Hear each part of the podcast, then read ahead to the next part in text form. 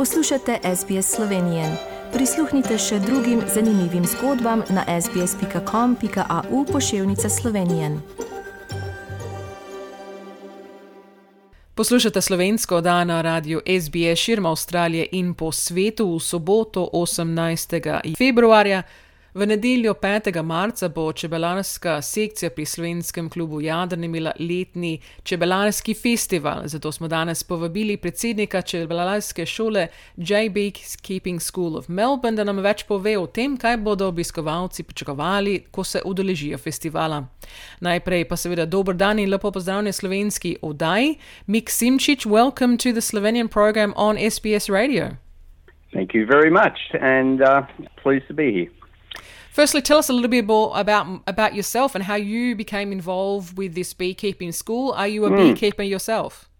Uh, yes, I am. Uh, yes, I am. Um, about six years ago, my wife decided she wanted a hive. So we bought a hive, as people do, and then quickly learned, oh, I better learn a little bit more about this beekeeping. It's not a matter of just plonking a hive in the backyard. So I was looking around for uh, advice or a club, uh, some sort of help in how to manage the bees, because Google only or YouTube only shows you so much. And I come across uh, Stan uh, at the J Beekeeping, and um, I just attended the meeting, and of course it was um, a lot of uh, older gentlemen and whatever talking bees, which is good, that wealth of experience. But there was uh, another chap there who was then the president, Martin uh, Starrick, who who sort of said, "Look, I'll come over and show you uh, at your place." And I, oh, okay. So he came over, and and then I got to know him, and I thought, now this is the sort of club I want to be in, where they spend a bit of time with you um, and help me. And just from doing that and uh, joining the club, I realised this is the way to go. You don't have to attend every month, but at different times when topics interest you. I attended, and, and my involvement got more and more as things progressed in the club, and then COVID hit. And that caused, like with many other clubs, a big decline. But through the COVID period, Marty wanted to step down as president.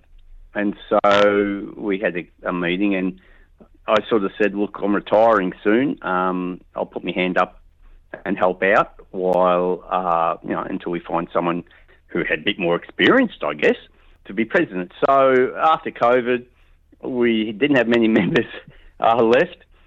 So we come together, the committee who at the time, and decided, well, what can we do? And all right, let's run some workshops, uh, on hand workshops uh, with some theory and uh, practical, because we had a club hive there by this stage. And um, that sort of kicked the club off again. And we run a couple of workshops, which have been very successful. And through that, we developed a better sort of month to month learning for the um, members. Uh, we tried to get in guest speakers and do more practical stuff um, and a, a, little bit more on hand and what's in relation to the following month. So, if, for example, if there's pack downs to be done in May, back in April or March, we'll teach pack downs, what we have to do to pack down hive for the winter and get it prepared so that the people are prepared for that time. I'm still the president, and I have we decided on the Honey Festival. Well, it's been a thing that everyone knew about, and obviously there's old clippings up around the club room. And we tried to run it last year, I think, still there was that risk of COVID. So we decided, no, we won't do it, but we'll try this year.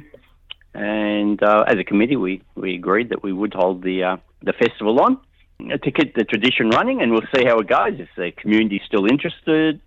And so what we're trying to do is make it more of a, a family day.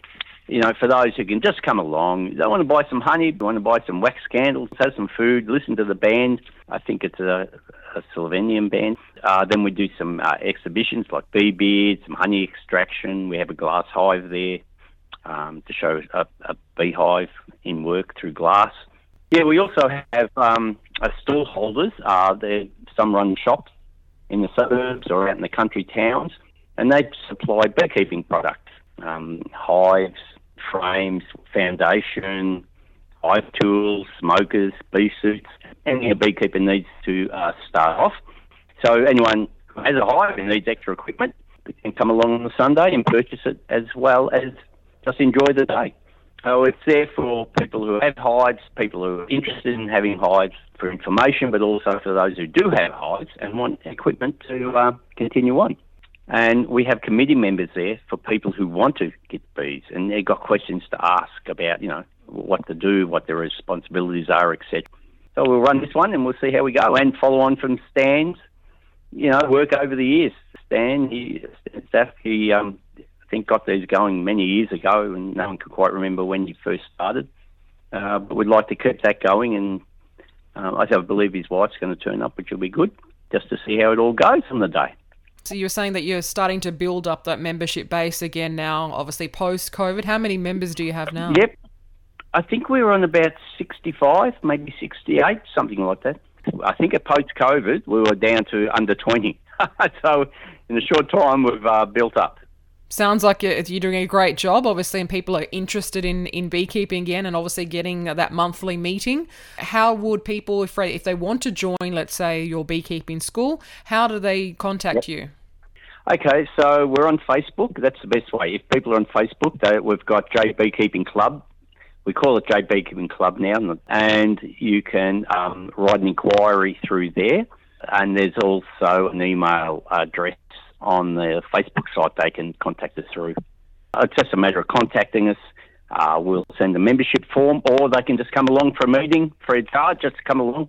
Um, don't have to be a member. See what they think about the club, and if they decide to, we'll give them a hard copy membership form and just go from there. It's uh, fifty dollars a year. Everything else is for free, basically, for the rest of the year. We're not for profit, so we're there for more helping people or educating people on bees. And most of the people we have now that post COVID are new beekeepers. So they've just got their own first hives. And like I was six years ago, well, okay, what do I need to do to keep these girls happy? And how much honey yeah. are you producing now these days? Oh, well, uh, last year was a total washout for myself. But this year, look, um, it hasn't been a great year, but at least we've got about, you know, I think about 25 kilo a hive so far. I've got half a dozen or five hives now. So um, even the club hive produced, I think, 15 kilo, kilos the other week, which is not a bad for a new hive. So it just depends on where you are in Victoria or in Melbourne. Um, like last year, people in Melbourne are doing okay. They were still getting their 30 kilo a hive, but I was doing nothing. I'm out in the country and we had nothing flowering and it was wet and cold and the bees didn't like it. But this year, nah, it's come about okay. So it's very seasonal and just depends where in the the ranges you are. So it sounds like uh, it's doing a great job, a great service, obviously, to the others that are interested, obviously, in beekeeping. Um, and we invite, obviously, everyone that's listening in the Slovenian community uh, to obviously uh, support uh, this uh, festival. And I think it's in its 27th year, potentially, um, from what I remember. Mm-hmm. And this is obviously something that you mentioned that uh, that the late Stan Starts started. Um, and we had him on many yep. times on the show over the years to tell us a bit more about what was going to happen at these festivals. And obviously, we invite yep. everybody on the Sunday, the 5th of March March at uh, Jadran for the Honey Festival. Um, thank you so much, Mick, for joining us uh, on SBS Slovenian today. We wish you all the best with the festival and, of course, obviously with your future beekeeping. Thank you very much. Thank you for your time and having me on your program. Všečkaj, deli, komentiraj. Spremljaj SBS Slovenijan na Facebooku.